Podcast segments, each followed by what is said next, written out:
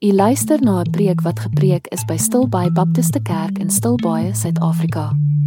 Vir meer inligting, besoek asseblief ons webblad by stilbaibaptist.co.za. Mag u geseën word deur God se woord vandag. Ons gaan nou, soos ek reeds genoem het, hierdie week, hierdie jaar hierdie hierdie reeks doen van die strewe na God. Nou, net soos 2 jaar gelede gaan ons ook nou weer 'n boek lees. Nou wil ek besluit ek gaan julle toets. Watse boek het ons 2 jaar terug saam gelees? Te vroeg in die jaar om sulke moeilike vrae te. Ek hoor dit hierso, julle hoor ek The Spirit-filled Life. Dis wat ons 2 jaar terug saam gelees het. En dis dalk omdat dit Engels was dat julle nie kan onthou nie, so ek vergewe julle. Sal nie die Engelse kerk nou nou vergewe nie. Maar ehm um, ons gaan nou deur hierdie boek lees. Eenmal 'n maand gaan ons na een hoofstuk kyk. En ek wil nou al vir jou sê, ek gaan nie hier sit en die boek vir jou verduidelik nie. Ek gaan nie hier staan en die boek eers vir jou lees of verduidelik nie. Dis wat jy moet doen voor ons hier bymekaar kom.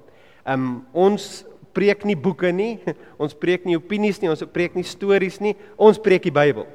En so elke maand gaan ek 'n boodskap bring wat te doen het met waaroor die boek gepraat het om jou te help om daai hoofstuk beter te verstaan. Ehm um, maar soos ek sê ons is, ons jy sal moet voor die tyd lees. En met net so baie dinge in die Christelike lewe is dit die hoeveelheid moeite wat jy insit wat gaan bepaal hoeveel jy uitkry. Dit is hoe dit werk vir kinders van die Here. Vandag gaan ons net na die inleiding kyk. Nou ek het die inleiding uitgestuur op die WhatsApp. As jy dit nou nie gekry het nie of nie gelees het nie, maak dit nie saak nie. Ehm, um, maar asseblief, veral na vandag se preek as jy voel jy het dalk gedink nee, ek het nie die boek nodig nie, maar nou wil jy saam lees, onthou asseblief om jou naam daar neer te skryf. Ek onthou, ek het hierdie boek eerste keer gelees. Jo, waar was dit? Hier in die begin van die 20 2005 of omtrent het ek die boek eerste keer gelees. En dit was die inleiding van hierdie boek wat my gegryp het. Dis die inleiding wat gemaak het dat ek die res van hierdie boek gelees het en ek het hierdie boek seker al 10 keer in my lewe deurgelees en elke keer is dit net vir my so kragtig en want toe ek hierdie inleiding lees, toe sê ek maar, toe voel ek maar hierdie ou weet. Daai het ek nog eers vir Touser geken, die AW Touser. Hy het in 1948 hierdie boek geskryf. Maar as hy hy kon dit maar net so al vir vandag geskryf het want hy vat so raak as hy verduidelik wat in ons lewe aangaan. Wat hy sê is ons lewe in 'n tyd waar die kwaliteit van teologie en die hoeveelheid van ons toegang na teologie is beter as nog ooit in die geskiedenis van die hele wêreld. Nog nooit het die hele wêreld soveel toegang gehad om die Bybel te lees nie. Nou kan jy dink 50 jaar terug. As jy 'n Bybel in China wou kry, dan moes jy iemand kry wat bereid sou wees om dit in Chinese te druk, dit in te smokkel, oor die grens te kom, by die mense uit te kom. Nou moet hulle die Bybel hê en hulle moet dit wegsteek. Deesdae is dit so maklik as so stuur vir die oue link in China en sê download jou eie Bybel.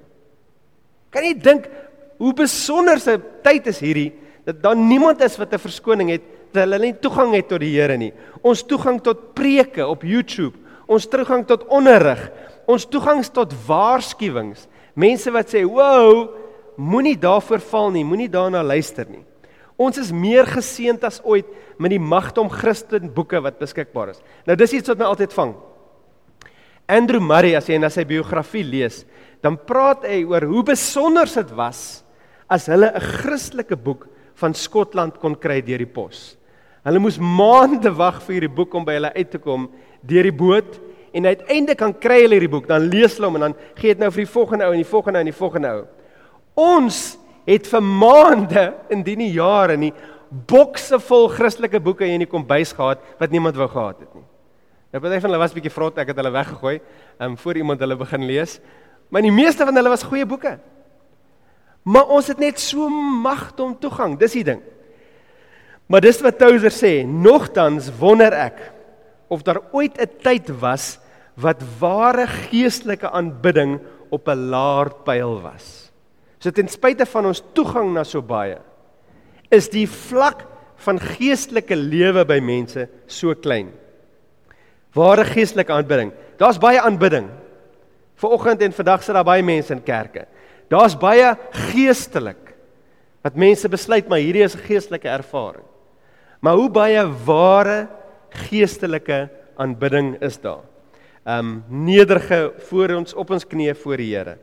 Um want wat gebeur is dat vir baie mense word Christendom iets wat God nooit bedoel het dit moet wees nie. Vir baie mense raak dit 'n suiwer intellektuele kopkennis. Dit gaan net oor hoeveel ek kan leer. Hierdie is die mense wat daarvan hou om te debatteer. Hierdie is die mense waarvan jy nie hou om by koffie te gaan drink nie. Want hulle gaan vir jou hierdie vraag vra en hierdie vraag vra en as jy daai antwoord gee, dan hulle 14 redes oor hoekom jou antwoord verkeerd is en alles.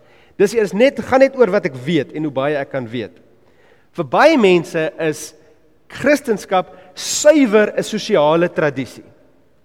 Ek hou van die rotine van om kerk toe te kom. Nou gee hulle my lekker koffie nog en ek hou van die mense om my en ons sing so lekker saam. Dis net so deel van jou rotine en dit raak so lekker. Ehm um, hierdie is gewoonlik die mense wat wat bietjie spanning spannend word as dinge begin verander. Toe ons nou gister oggend hier kom, toe sien ek die die musiekvereniging het gister die stoele almal hier voor bymekaar geskuif vir redes wat hulle verstaan, maar toe ek inkom, toe dink ek hierdie is 'n goeie idee. Want nou sal meer spasie om tee te drink. Nou kan jy beloof, daar gaan baie mense in hierdie kerk inloop en sê, dis nie hoe die stoele moet wees nie. Ek is baie jammer. Hierdie is nie in parallel nie. Kyk, hier's die lyn. Hoekom is die van stoele nie aan hierdie kant en daai kant nie? Dis hierdie mense van jy jy krap aan my tradisies. Jy krap aan waarvan ek hou en waarvan ek gewoond is. En hier is die ouens wat regtig knorrig raak as jy hulle uitdaag om uit te reik en te verander en te groei want hulle hou van waar hulle is. Um verander weer is hulle kristendom suiwer 'n emosionele ervaring. Ek moet dit voel. Um so met ander woorde as ek na kerk toe gaan en ek stap nie uit en ek en ek buzz so bietjie nie, dan beteken dit ek het nou nie regtig met die Here ontmoet nie. Hierdie is ook die mense wat enigiets kontroversieel vermy. Hulle sal nooit praat oor die kontroversiële ding nie, want dit is 'n buzzkill. Dit maak dat ons nou begin verskil. Ons kan nie daar wees nie. Ons moet dit net voel, dan is ons lekker. Wat mis in al hierdie forme van godsdiens? 'n Koneksie met God. Waar ek instap in sy teenwoordigheid en sê, "O Here, dit is alles oor U." Hoe wonderlik is dit om U te ken. Hoe wonderlik is dit om by U te wees en U te ervaar en U te ken. Ehm um, Nou, hierdie forme van suiwer intellektueel, sosiale tradisie, suiwer emosioneel. Hoe dink jy sou dit werk as jy daai tipe verhouding op jou huwelik begin toepas? So jy het besluit jou huwelik gaan suiwer 'n intellektuele besigheid wees. So jy leer jou vrou ken. Jy weet alles van haar. Jy weet sy drink haar koffie so en sy hou daarvan om met 17 minute oor 6 in die oggend langs haar bed te hê en jy het jou lewe so beplan en alles moet so wees en en iets mis. Of as jou huwelik net 'n sosiale tradisie is. Nou hierdie is het ek al in my berading bevind. Dis iets waarmee mans baie keer gemaklik raak, maar vrouens nie van nou nie. Dat vir 'n man raak sy vrou maar net deel van die prentjie. Hy gaan maar net deur die rotine en sy vrou sê sin, "Maar wat van ons koneksie? Wat het gebeur? Jy gaan nou net deur jou jou emotions." Of as dit suiwer emosioneel is. Elke dag saam met my vrou moet my of laat lag of in trane laat uitbars, anders was dit nie 'n goeie dag gewees nie. Ja, al daai dinge vorm deel van 'n huwelik. Jy moet jou vrou leer ken. Jy moet 'n um, 'n um, rotines hê wat dinge laat werk. Daar moet emosie in emosie in julle huwelik wees, maar dis nie die kern nie. Die kern is om iemand te ken. Die kern is kommunikasie om met iemand te kan kommunikeer. Die kern is om saam te kan lewe en mekaar te kan geniet. Dis die kern. En dit is ook die kern van ware godsdiens. Om God te ken, om met hom te kan kommunikeer, om hom te kan beleef, om saam met hom te kan leef en om te kan geniet. Um Tozer sê dan hierdie in die boek en hy sê dit is nie blote woorde wat die siel voed nie, maar God self En tensy en totdat die hoorders God 'n persoonlike ervaring vind, is hulle nie beter af omdat hulle die waarheid gehoor het nie. Die Bybel is nie 'n doel op sigself nie, maar 'n middel om mense tot 'n intieme en bevredigende kennis van God te bring, sodat hulle toegang tot Hom vind en sodat hulle hulself kan verheug in sy teenwoordigheid. Die innerlike soetheid van God self in die kern en sentrum van hulle harte kan proe en ken. En dit is hoekom ons hierdie boek lees. Um soos Tozer in hoofstuk 1 sê om deel te wees van die kinders van die brandende hart. Mense wat na alles kyk wat hierdie wêreld bied en jy dit dalk al self probeer en jy sê, maar dis net so leeg. Daar moet meer wees. Dit kan nie al wees wat daar is nie. Die boek is vir jou geskryf. Nou ek moet sê ek weet hierdie is 'n gevaarlike reis. Ek nooi julle uit op 'n gevaarlike reis. Um baie mense wat al frustreerd was met dooie godsdiens, het op 'n reis begin gaan wat hulle op 'n dwaalspoor gevat het wat hulle weggevat het van Jesus. Omtrent elke Christelike kult, kultus het begin met mense wat sê daar moet meer wees. Hulle kyk na hulle self, hulle kyk na die kerk, hulle kyk na die mense wat hulle self Christene noem en hulle sê daar moet iets meer wees as dit. Dis hoe die Jehova getuies begin het. Dis hoe die Mormone begin het. Dis hoe die Hebrew Roots Movement begin het. Dis almal wat gesê het, maar kerk soos ons dit sien, kan nie dit wees nie. Daar moet iets meer wees. En aan die einde van die dag volg hulle 'n God wat vreemd is aan die Bybel. 'n God wat nie inpas by wat die Bybel sê nie. Ons moet dus versigtig loop. Ons kan nie dit ervaring ons lei nie, maar ons kan dat die woord ons lei na ervaring toe. Dat ons altyd vashou aan die woord. So ons gaan nou vandag na 'n 'n karakter kyk in die Bybel wat 'n radikale verandering in sy lewe gehad het. En dis ons goeie vriend Jakob in die Ou Testament. Die Jakob wat ons aan die begin van die van die verhaal ontdek. En die Jakob wat ons aan die einde toe hy sy naam nou al Israel was, um sien, is twee totaal verskillende mense en wat hulle doen en hoe hulle lewe. Um het Jakob in 'n goddelike huis groot geword. Ja, dis die die vraag word moeiliker. Nou is ons nog by die maklike vraag. OK, ja, hy het 'n Godvreesende God. Ehm, um, kan jy dink om by jou pa of jou oupa te sit? Nee, sy oupa was toe nou al dood gewees, maar by jou pa te sit en die stories te hoor van sy pa se ervarings met God. As sy pa dalk vertel, maar besef jy jou oupa het een keer sy neefie gaan red uit Sodom en Gomorra En toe kom God neer op daai stad en hy vernietig hom soos jy nie kan dink nie. Ah, en klein Jakob sit dalk daar en hy dink, "Wow." En dan sê Isak vir my, jy dis jy jy verstaan nog nie. Een keer het ek en jou pa gestap na dit was ver. Man, ons het ver gestap. En my en Abraham het vir my gesê ons gaan nou offer en ek het heeltyd rondgekyk en sien maar ons het alles behalwe 'n skaap. Hoe gaan hierdie nou werk? En toe ek op daai berg kom, toe bind oupa my vas daar op daai altaar. En hy lig hy mes op en jy sal nie glo nie. 'n Stem uit die hemel praat met oupa en hy sê: "Stop." En ons kyk en, en die Here voorsien 'n lam. Kan jy dink dat Jakob daar sit en hierdie stories moet hoor? Maar wat is die probleem? Sover ons kon hoor op hierdie stadium van die storie, was Jakob se ervarings van God net tweedehands. Dit was nie eerstehands nie. Um die wat nou ons het nou so 'n bietjie voor in ons Bybel lees in Januarie. Um ons maak op vir die dae wat ons nie kan lees nie. En op een punt nou in die storie van Jakob en Esau, dan sê Esau, um julle ken die storie baie goed, waar ja Esau moet gaan jag en Jakob en Rebekka maak plannetjies en hulle bring 'n skaap en ja Esau sê en Isak sê vir Jakob, "Maar hoe het jy dit reg gekry dat jy so vinnig iemand gekry het?" Wie van julle weet wat Jakob se antwoord was? Sê weer? Die Here het voorsien, maar hy sê dit op 'n spesifieke manier. Jou God het voorsien. Nie ons God nie. Nie my God nie. Jou God het voorsien. En hier sien ons skielik maar maar dis wat aangaan in Jakob se lewe. Hy word groot in 'n Christelike huis. Hy word groot onder die goddelike reuse van daai tyd. En vir hom is dit net tweedehandse ervaring. Hy sien dit om hom, hy beleef dit om hom. Dis nie dat hy nie glo God bestaan nie, maar God is nie sy God nie. God is hulle God. En ons sien dit ook oor hoe Jakob lewe. Hy's nie iemand wat sy vertroue in die Here stel nie. Hy's iemand wat sy eie plannetjies maak. Ek maak my plannetjies sodat my lewe goed gaan wees. Ek bak mok potte pot lensies op dat ek die geboortereg by my broer kan steel.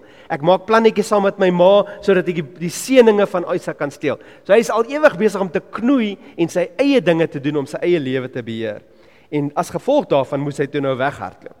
Ehm um, hierdie persoon wat ons lees, hy het gemaklik in tente gewoon, moet nou weghardloop vir sy lewe.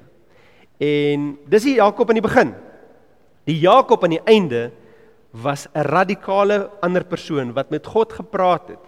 Wat vir sy oom Laban hard gewerk het al was hy heeltyd verneek gewees. Wat vir God geluister het toe God sê trek nou weg. Wat daai pad en is so wonderlik as jy gaan lees aan die einde wat hy voor Farao staan. En Farao praat vir hom: "Hey, hoe oud is jy?" Dis ek maar hoe hulle mekaar vriendelik gegroet het in daai tyd. Ek dink ons moet dit begin doen met ou mense.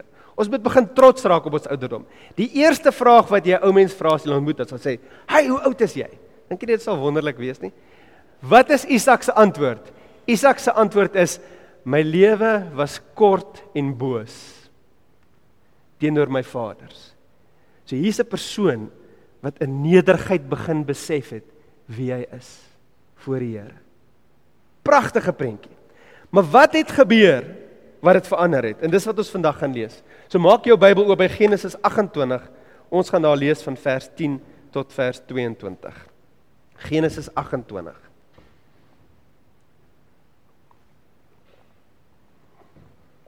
Maar voor ons lees, kom ons bid net eers weer saam.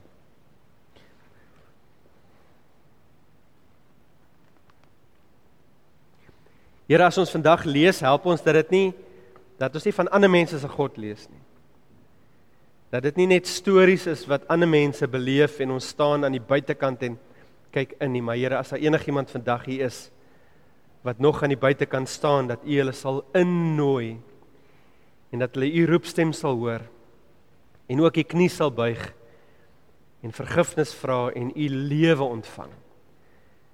U lewe is nie 'n geskenk wat U vir ons gee apart van Uself nie. U lewe is U self wat U vir ons gee. Here, dankie daarvoor. Ons bid dit alles in die wonderlike naam van Jesus. Amen. So kom ons lees saam daarso in ons lees van vers 10 waar dit sê Jakob het uit Berseba vertrek en na Haran gegaan. So Berseba was waar hy gebly het saam met sy ouers. Haran is waar sy oom bly, Laban. Hy is nou op pad soontoe vlug vir Esau. Esau wil hom doodmaak. Hy gaan by sy oom bly en daar gaan werk. Hy kom toe by 'n plek en oornag daar want die son was al onder. Hy het een van die klippe van die plek geneem en dit as sy kopstuk neergesit en op daardie plek gaan lê. So dit word donker en hy gaan slaap in die ooptes en nou vat hy 'n klip vir sy kussing en ons dink, "Haai shame, arme Jakob, hy het vergeet om sy memory foam kussing saam te vat. Nou moet hy maar net op 'n klip lê en slaap." Die een ding wat ons moet besef is, hulle het op klippe geslaap. Dit was hulle kussings. Hierdie is nou meer Egiptiese dinge, maar dit het ook oorgespoel na die res van die wêreld waar hulle kussings uit klip of uit hout uit gemaak het. Maar jy het dit gemaak dat dit gemaklik is vir jou. Jakob het nie tyd gehad hier om vir homself 'n klip uit te te bytel wat gemaklik is nie. Hy moet vat wat hy kry en hoe ironies. Die man wat daarvan hou om rustig in die tente te wees en nie sy hande vuil te maak buite nie, moet nou in die ooptes gaan lê. Daar's nie eers 'n tent of 'n dak oor sy kop nie en al wat hy het om op te lê is 'n klip. Nou of dit nou onder sy klip of langs sy kop, onder sy kop of langs sy kop was, weet ons nie, maar daai klip was daar. Maar hierdie is iets wat God baie keer doen met ons om ons aandag te kry. Wat is ons menslike begeerte?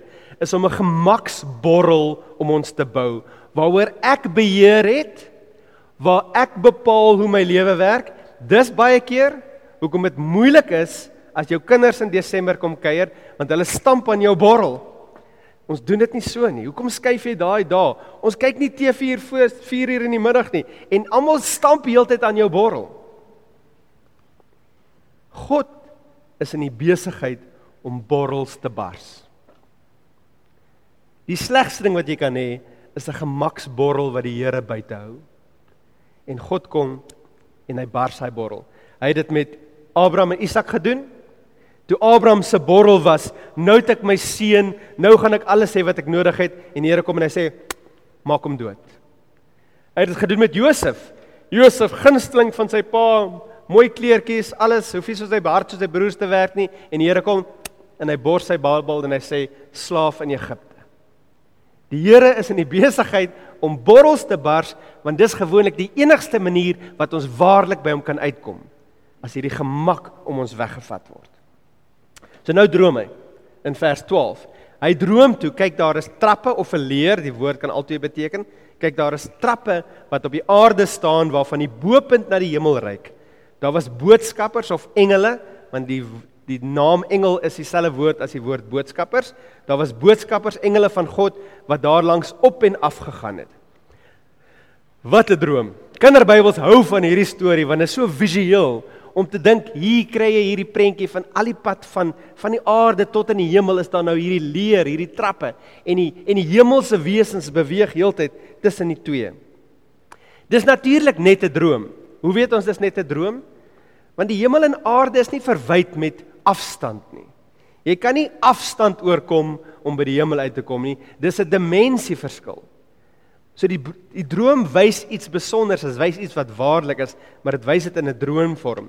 En die die doel van hierdie droom is die hemelse ryk is nie iets wat so ver en onbereikbaar is dat jy geen hoop het om koneksie te maak nie. Daar is 'n koneksie. Jy kan by God uitkom. En dan die volgende verse wys vir ons dan die doel van hierdie leer. En kyk, die Here staan bo aan die trappe en sê: Ek is die Here, die God van jou voorvader Abraham en die God van Isak. Die grond waarop jy lê, aan jou en jou nageslag gee ek dit. Jou nageslag sal wees soos die stof van die aarde. Jy sal uitbrei na die weste, die ooste, die noorde en die suide. Deur jou en jou nageslag sal al die groot families van die aarde geseënd wees. Toe ek hierdie lees, te wonder ek as jy nou God was en ons dankbaar dat nie een van ons is nie en jy kry nou vir Jakob hier in die woestyn.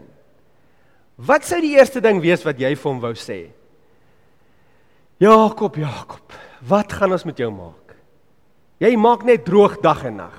As jy nie lensies op 'n kroek, ouens kroek met lensies op nie, dan kroek jy jou pa, jou arme pa wat nie kan sien nie. Jakob, wat is jou probleem? Hoekom is jy so gemors? En ek sê dit want dis wat baie mense dink. Die eerste ding is wat God vir jou wil sê. En so jy's eintlik maar bietjie bang om regtig in sy teenwoordigheid te kom. So hierdie boek maak jou bietjie skrikkerig hierdie jaar, want jy's bang as jy instap in die Here se teenwoordigheid, dan gaan hy daai lys uithaal en sê, "Kom ons praat bietjie oor die baie dinge wat jy die afgelope 15 minute verkeerd gedoen het." Is dit wat God doen? Nee. God wil met ons praat oor ons sondes. Moenie 'n fout maak nie. God wil met jou praat oor die dinge wat verkeerd is, maar hy wil nie daar begin nie. God wil begin deur jou te vertel van homself. God wil eers met jou praat oor sy goedheid en wie hy is en wie hy vir jou wil wees, want dit sal jou bring na 'n plek waar jy sê, Here, doen iets aan my sondes. Want dit hou my weg van U af. Hierdie wonderlike dinge wat U sê, ek ek wil daar uitkom, maar die sonde skeer my weg. Doen iets aan my sondes. Dis wie God is. Dis wat hy wil doen. So God daag op en hy stel homself voor as die God van Abraham en die God van Isak en wie kort? Jakob. Ek sê God van Abraham, ek sê God van Isak, wat van jou? En hierdie hele ontmoeting is 'n uitnodiging om ook 'n kind van God te word vir Jakob. En dan herbevestig hy die verbond wat hy vir Abraham en Isak gegee het. Ek gaan vir jou grond gee. Ehm um, nou hierso is natuurlik waarom die kerk en die ongelowige wêreld nooit kan saamstem oor die oorlog in Palestina en Israel nie. Want ons gaan terug en ons sê die Bybel het gesê God kan grond vir iemand gee. En die wêreld sê nee, Palestina was eerste daar. Hulle was nie. Hoe durf julle hulle, hulle uitsit? Dis hoekom ons nooit sal kan saamgesels hieroor nie, want ons het nie dieselfde fondasie nie. Ons fondasie kom na God wat gesê het hierdie grond gee ek vir julle. Dit natuurlik maak nie Israel heilig nie, maar dit help ons bietjie die grond beter verstaan. En dan sê hy vir hom deur jou gaan die hele wêreld geseën word. Dan praat God verder en dit raak besonders persoonlik. Want soos ons nou al reeds gesê het, God se ontmoeting met jou primêr is nie die goeders wat hy vir jou wil gee nie. Dis nie die goeders wat hy deur jou wil doen nie.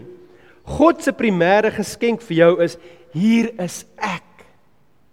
Ek is jou grootste geskenk. Lees verder vers 15. Kyk, ek is met jou. En ek sal jou beskerm oral waar jy gaan. Ek sal jou terugkeer na hierdie land want ek sal jou nie verlaat nie totdat ek gedoen het wat ek jou beloof het.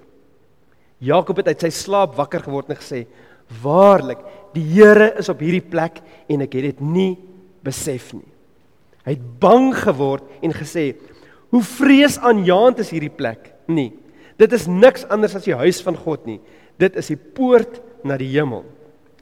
Hierdie was die radikale oomblik in Jakob se lewe. En wat het hy besef? Nou besef ek, die Here is hier al voel ek hom nie. My hele lewe lank al praat die mense vir my oor die Here, maar ek voel hom nie. Ek wonder waar is hy? Hoekom is hy nie hier nie? Hoekom is hy nie hier vir my nie? En skielik gaan sy geestelike oë oop en hy sê, "Hy oh, was nog altyd hier." Die probleem was nie u nie, die probleem is ek. Ek was die een wat nie daai koneksie voltooi het nie. U was nog altyd hier. En hierdie is baie keer die hoofrede hoekom ons sukkel om met God koneksie te maak, want ons voel hom nie en ons sien hom nie en ons ervaar hom nie. Het enigiets in die fisiese ruimte van Jakob verander op daai oomblik? Nee, want dit was alles 'n droom. Het enigiets in die geestelike ruimte van Jakob verander? Alles. Absoluut alles. En die feit van God is hy's nooit ver nie. Hy's hier, hy's absoluut hier. En deur Jesus het hy alle struikelblokke verwyder dat ons hom kan ervaar. Nou Jakob se reaksie is baie insiggewend. Hy was bang en hy het gesê hier is vrees aanjaend. Nou in Afrikaans klink dit bietjie erger, ek dink as wat die woord bedoel. Die woord in Engels is awesome. So dis nie tipe vrees wat jou wegjaag nie, dis 'n tipe vrees wat jou intrek. Hierdie is 'n groot vrees wat my najaag van God. 'n Vrees wat jou intrek. Nou lees ons verder in vers 18. Jakob het die oggend vroeg opgestaan en die klip wat hy as kopstit neergesit het, geneem en dit as 'n gedenksteen opgerig. Hy het olie oor die bopunt daarvan uitgegiet. Hy het die plek Bet-El genoem. Bet beteken huis, El beteken God, huis van God genoem maar die naam van die dorp was vroeër Lus. So Jakob het nie 'n afgod gebou nie. Hy het nie gesê nou gaan my ervaring met hierdie klip gaan my ervaring met God wees. As ek net aan hierdie klip kan raak, o, dan gaan God se naby my wees nie. Die klip het 'n altaar geword. Wat is die verskil? 'n Afgod is iets wat jy aanbid. 'n Altaar is 'n plek waar jy die Here aanbid. En in hierdie soeke, ons gaan dit sien deur hierdie jaar. In hierdie soeke na 'n koneksie en ervaring van die Here, bou mense baie keer afgode wat hulle as hulle koneksie met God sien. Maar dit is nie. En dan kan hierdie net 'n 'n 'n distraksie word van 'n koneksie met die ware God. OK. Ons lees aan vers 20. Jakob het toe gelofte afgelê. As God met my sal wees en my sal beskerm op hierdie pad waarop ek nou gaan, en vir my kos gee om te eet en klere om aan te trek en ek ongedeerd terugkeer na my familie, dan sal die Here my God wees. Ek sal hierdie klip wat ek as gedenksteen opgerig het, 'n huis van God wees en ek sal van alles wat U my gee, getrou tiendes aan U afstaan. Dit klink amper asof hy probeer 'n ooreenkoms met die Here maak. OK Here, jy moet nou dit en dit doen, dan sal ek dit doen en as jy nou dit doen, dan sal ek dit doen. Dis iets wat ons asseblief nooit met die Here moet doen nie. Maar dis nie wat hy doen nie. Al wat hy doen is hy staan op die beloftes van die Here. Want die Here het klaar gesê hy gaan hierdie goeders doen. So hy sê, Here, U het nou gesê U gaan dit en dit en dit doen. Ons moet besef, Jakob het nog nooit 'n persoonlike ervaring van God gehad nie. Nou ontmoet hy iemand in 'n droom en hy hoop dis God. Hoe weet hy dis nie 'n demoon nie? Hoe weet hy dis nie 'n vals gees nie? So hy sê, laat dit die toets wees, Here. As alles wat U hier beloof dan waar word, dan weet ek U is God en wat sê hy dan? Dan sal die Here my God. Ek wil seker maak U is die ware God. Maar as ek dit weet, dan sal ek dan kan U my God ook wees.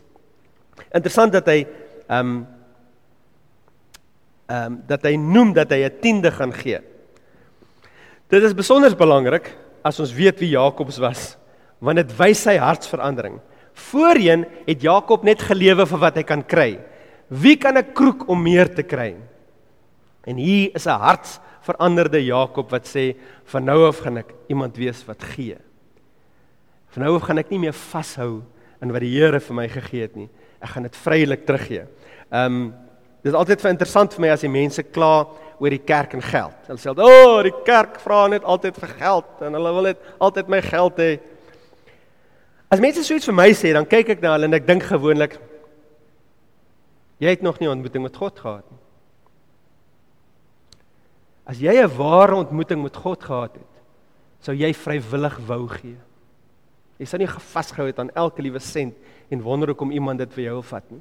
Jy sal die Bybel lees en besef alles wat ek het behoort aan die Here en ek moet teruggee vir hom en jy sal dit met 'n blye hart doen. Die rol van die kerk is om jou die geleentheid te gee om die Here te aanbid met jou geld. Dis een van die rolle van die kerk. Ek is baie bly ons stuur nie meer bordjies rond nie. Dit voel soos manipulasie. Ons het 'n boks daar agter. As jy die Here wil aanbid met jou geld, ons gee jou die geleentheid om dit daar te doen en ons probeer om dit te gebruik na die beste van ons vermoë. OK. So nou op hierdie stadium van die wedstryd mag jy dalk dink dis wat ek kort. My ervaring met die Here is maar gewoonlik tweedehands. Wat ek hoor oor hom, wat ek lees oor hom en daai ek wil ook 'n leerervaring hê. So hoe groot moet die klip wees? En waar moet ek gaan lê in die bos om hierdie ervaring te hê? Het jy geweet die Nuwe Testament leer vir ons waar om ons leer te kry? Jy het geweet. Hy sê presies vir jou hoe jy jou leer kan kry. Ons kry dit in Johannes 1 vers 43. Jesus roep vir Filippus en om hom te volg en Filippus hardloop na 'n ou met die naam Nataneel en hy sê vir hom Nataneel, ek het die een gekry waaroor Moses geskryf het, Jesus van Nasaret. En Nataneel se antwoord is kan daar enigiets goeds uit Nasaret kom? Dis so goed ek hardloop na jou, nou moet ek mooi dink. Ek hardloop na jou en ek sê ons het Jesus ontmoet. Hy is in Bredasdorp gebore en jy dink, "Ey, kan daar enigiets goed uit Bredasdorp uitkom?"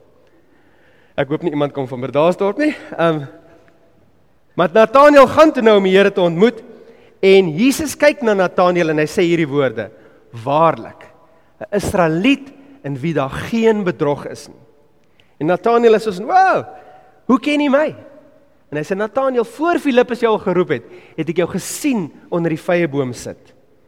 En kom ons lees wat verder toe sê hy. Toe antwoord Nathanael hom: "Rabbi, u is die seun van God." Dis 'n term om te sê u is die gestuurde, die kind, die die enigste seun van God. U is die koning van Israel. Jesus antwoord hom: "Glo jy omdat ek jou gesê het dat ek jou onder die vrye boom gesien het? Hoor nou. Jy sal nog groter dinge sien." En hy sê vir hom: "Amen. Amen. Ek sê vir julle, julle sal die hemel oop sien en die engele van God wat opstyg en neerdal op die seun van die mens. Het daar ooit gebeur dat enige van die apostels 'n droom gehad het oor 'n leer? Het daar ooit gebeur dat hulle Jesus daar gestaan het en engele het skielik op en af voor Jesus gegaan? Nee. Jesus gebruik wat met Jakob gebeur het om vir hulle les te leer en vir hulle te sê as jy met God wil verbind, hier is ek. Hier is ek as jou leer. Wil jy by die hemelse ryk uitkom? Dis deur my en net deur my.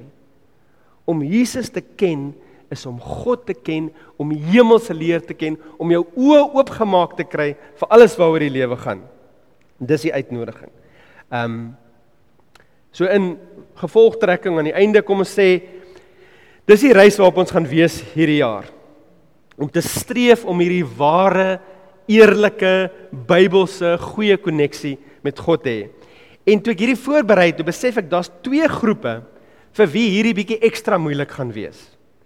Vir wie hierdie bietjie meer van 'n uitdaging gewees. Die eerste groep is mense wat groot geword het in 'n vorm van godsdiens waar ervaring geminag of vermy is. Jou godsdiens was wat jy doen as jy kerk toe kom. Jou godsdiens is wat jy doen as jy jou Bybel oopmaak. Dit is jou vorm van godsdiens. As enigiemand praat van, "O, oh, die Here het met my gepraat." O, oh, nee dan, nee, wag, wag. Ja, mm, ja, oh, ja, bly weg. Ehm um, ek wil hierdie groep uitdaag. Soos ons deur die Bybel lees, om te sê is dit God se wil? Is God se wil dat ons hierdie tipe godsdiens het wat geen ervaring met hom het nie? Is dit so? Ek wil jou uitdaag want ek is nie so nie en ek wil hoop jy gaan dit sien. Die tweede groep vir wie dit gaan moeilik wees en nou moet ek my woorde mooi gebruik dat ek nie sê wat ek nie wil sê nie. Hierdie is die tipe mense wat groot groot geword het in 'n tipe godsdiens waar ervaring baie belangrik was.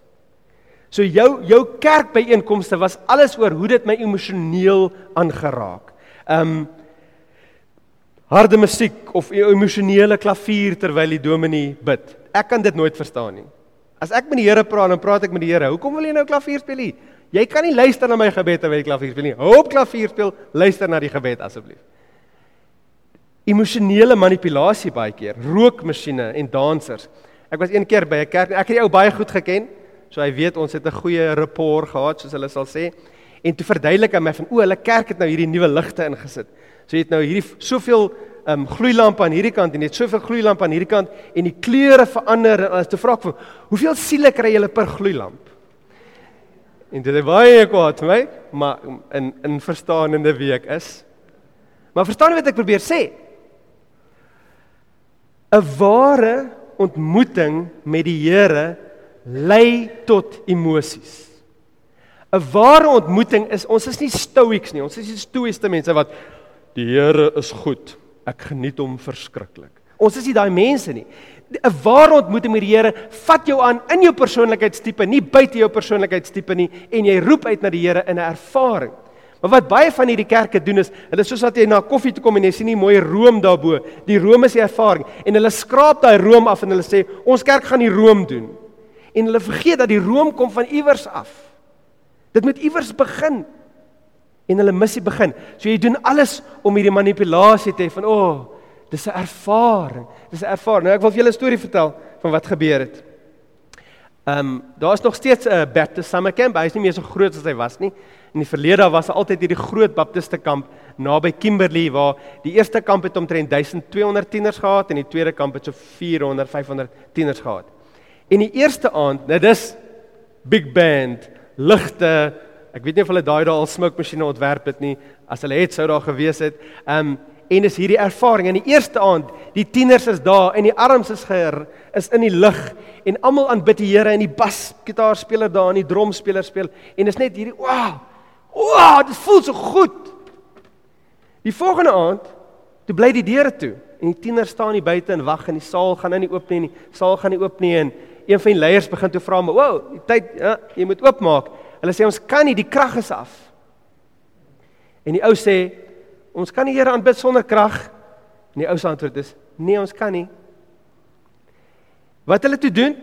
Hulle vat daai selfe groep tieners na 'n tentsaal langsaan en as een ou voor met 'n gitaar wat dieselfde liedjie speel en die tieners staan rond verveeld.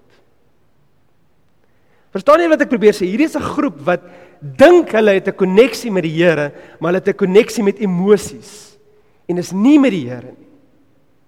Nou in daai kerke sal daar mense wees wat koneksies met die Here het en hierdie ook geniet. Maar dit is baie maklik om in daai kerke groot te word en is die God van my vriend en die God van my pa en die God van my broer, maar is nie my God. Dis die probleem. En so ek wil julle almal saamnooi op 'n reis hierdie jaar waar Psalm 34:8 sê: "Proe en sien dat die Here goed is." Ons gaan leer. Hy praat nie van natuurlike sintuie nie. Dit is nie natuurlik proe nie. Dis nie natuurlike oë sien nie. Waarna ons mekaar uitdaag hierdie jaar is om die Here te beleef met ons geestelike sintuie. 'n Diep koneksie in die hart. Maar ons tyd is verby. Die mense loer vir my daar by die deur. Kom ons bid saam. Hemelse Vader, dankie dat ons op hierdie reis kan gaan, Here, en ons begeerte is dat net soos Jakob sy oë oopgegaan het om 'n God te ontmoet wat sy God geword het. Dat dit ook waar sal word van mense wat dalk al vir jare ander mense se God aanbid en hulle eie God. Dat U ons sal bring by daai punt waar ons sien U nooi ons in, U is by ons, U stap saam met ons, waar ons U ervaar op 'n direkte persoonlike vlak. Altyd in lyn met die Bybel. Here, laat ons nie 1 cm buite die Bybel beweeg oor hoe u sê u ervaar moet word nie. Maar dat ons sal sien hoe goed dit kan wees. Dis ons gebed in die wonderlike naam van Jesus. Amen. Ons hoop u was geseën by die aanhoor van God se woord vandag. Vir meer inligting of vir gebed, besoek asseblief ons webblad by stilbybaptist.co.za. Mag u u lewe vind in Jesus Christus en hom alleen.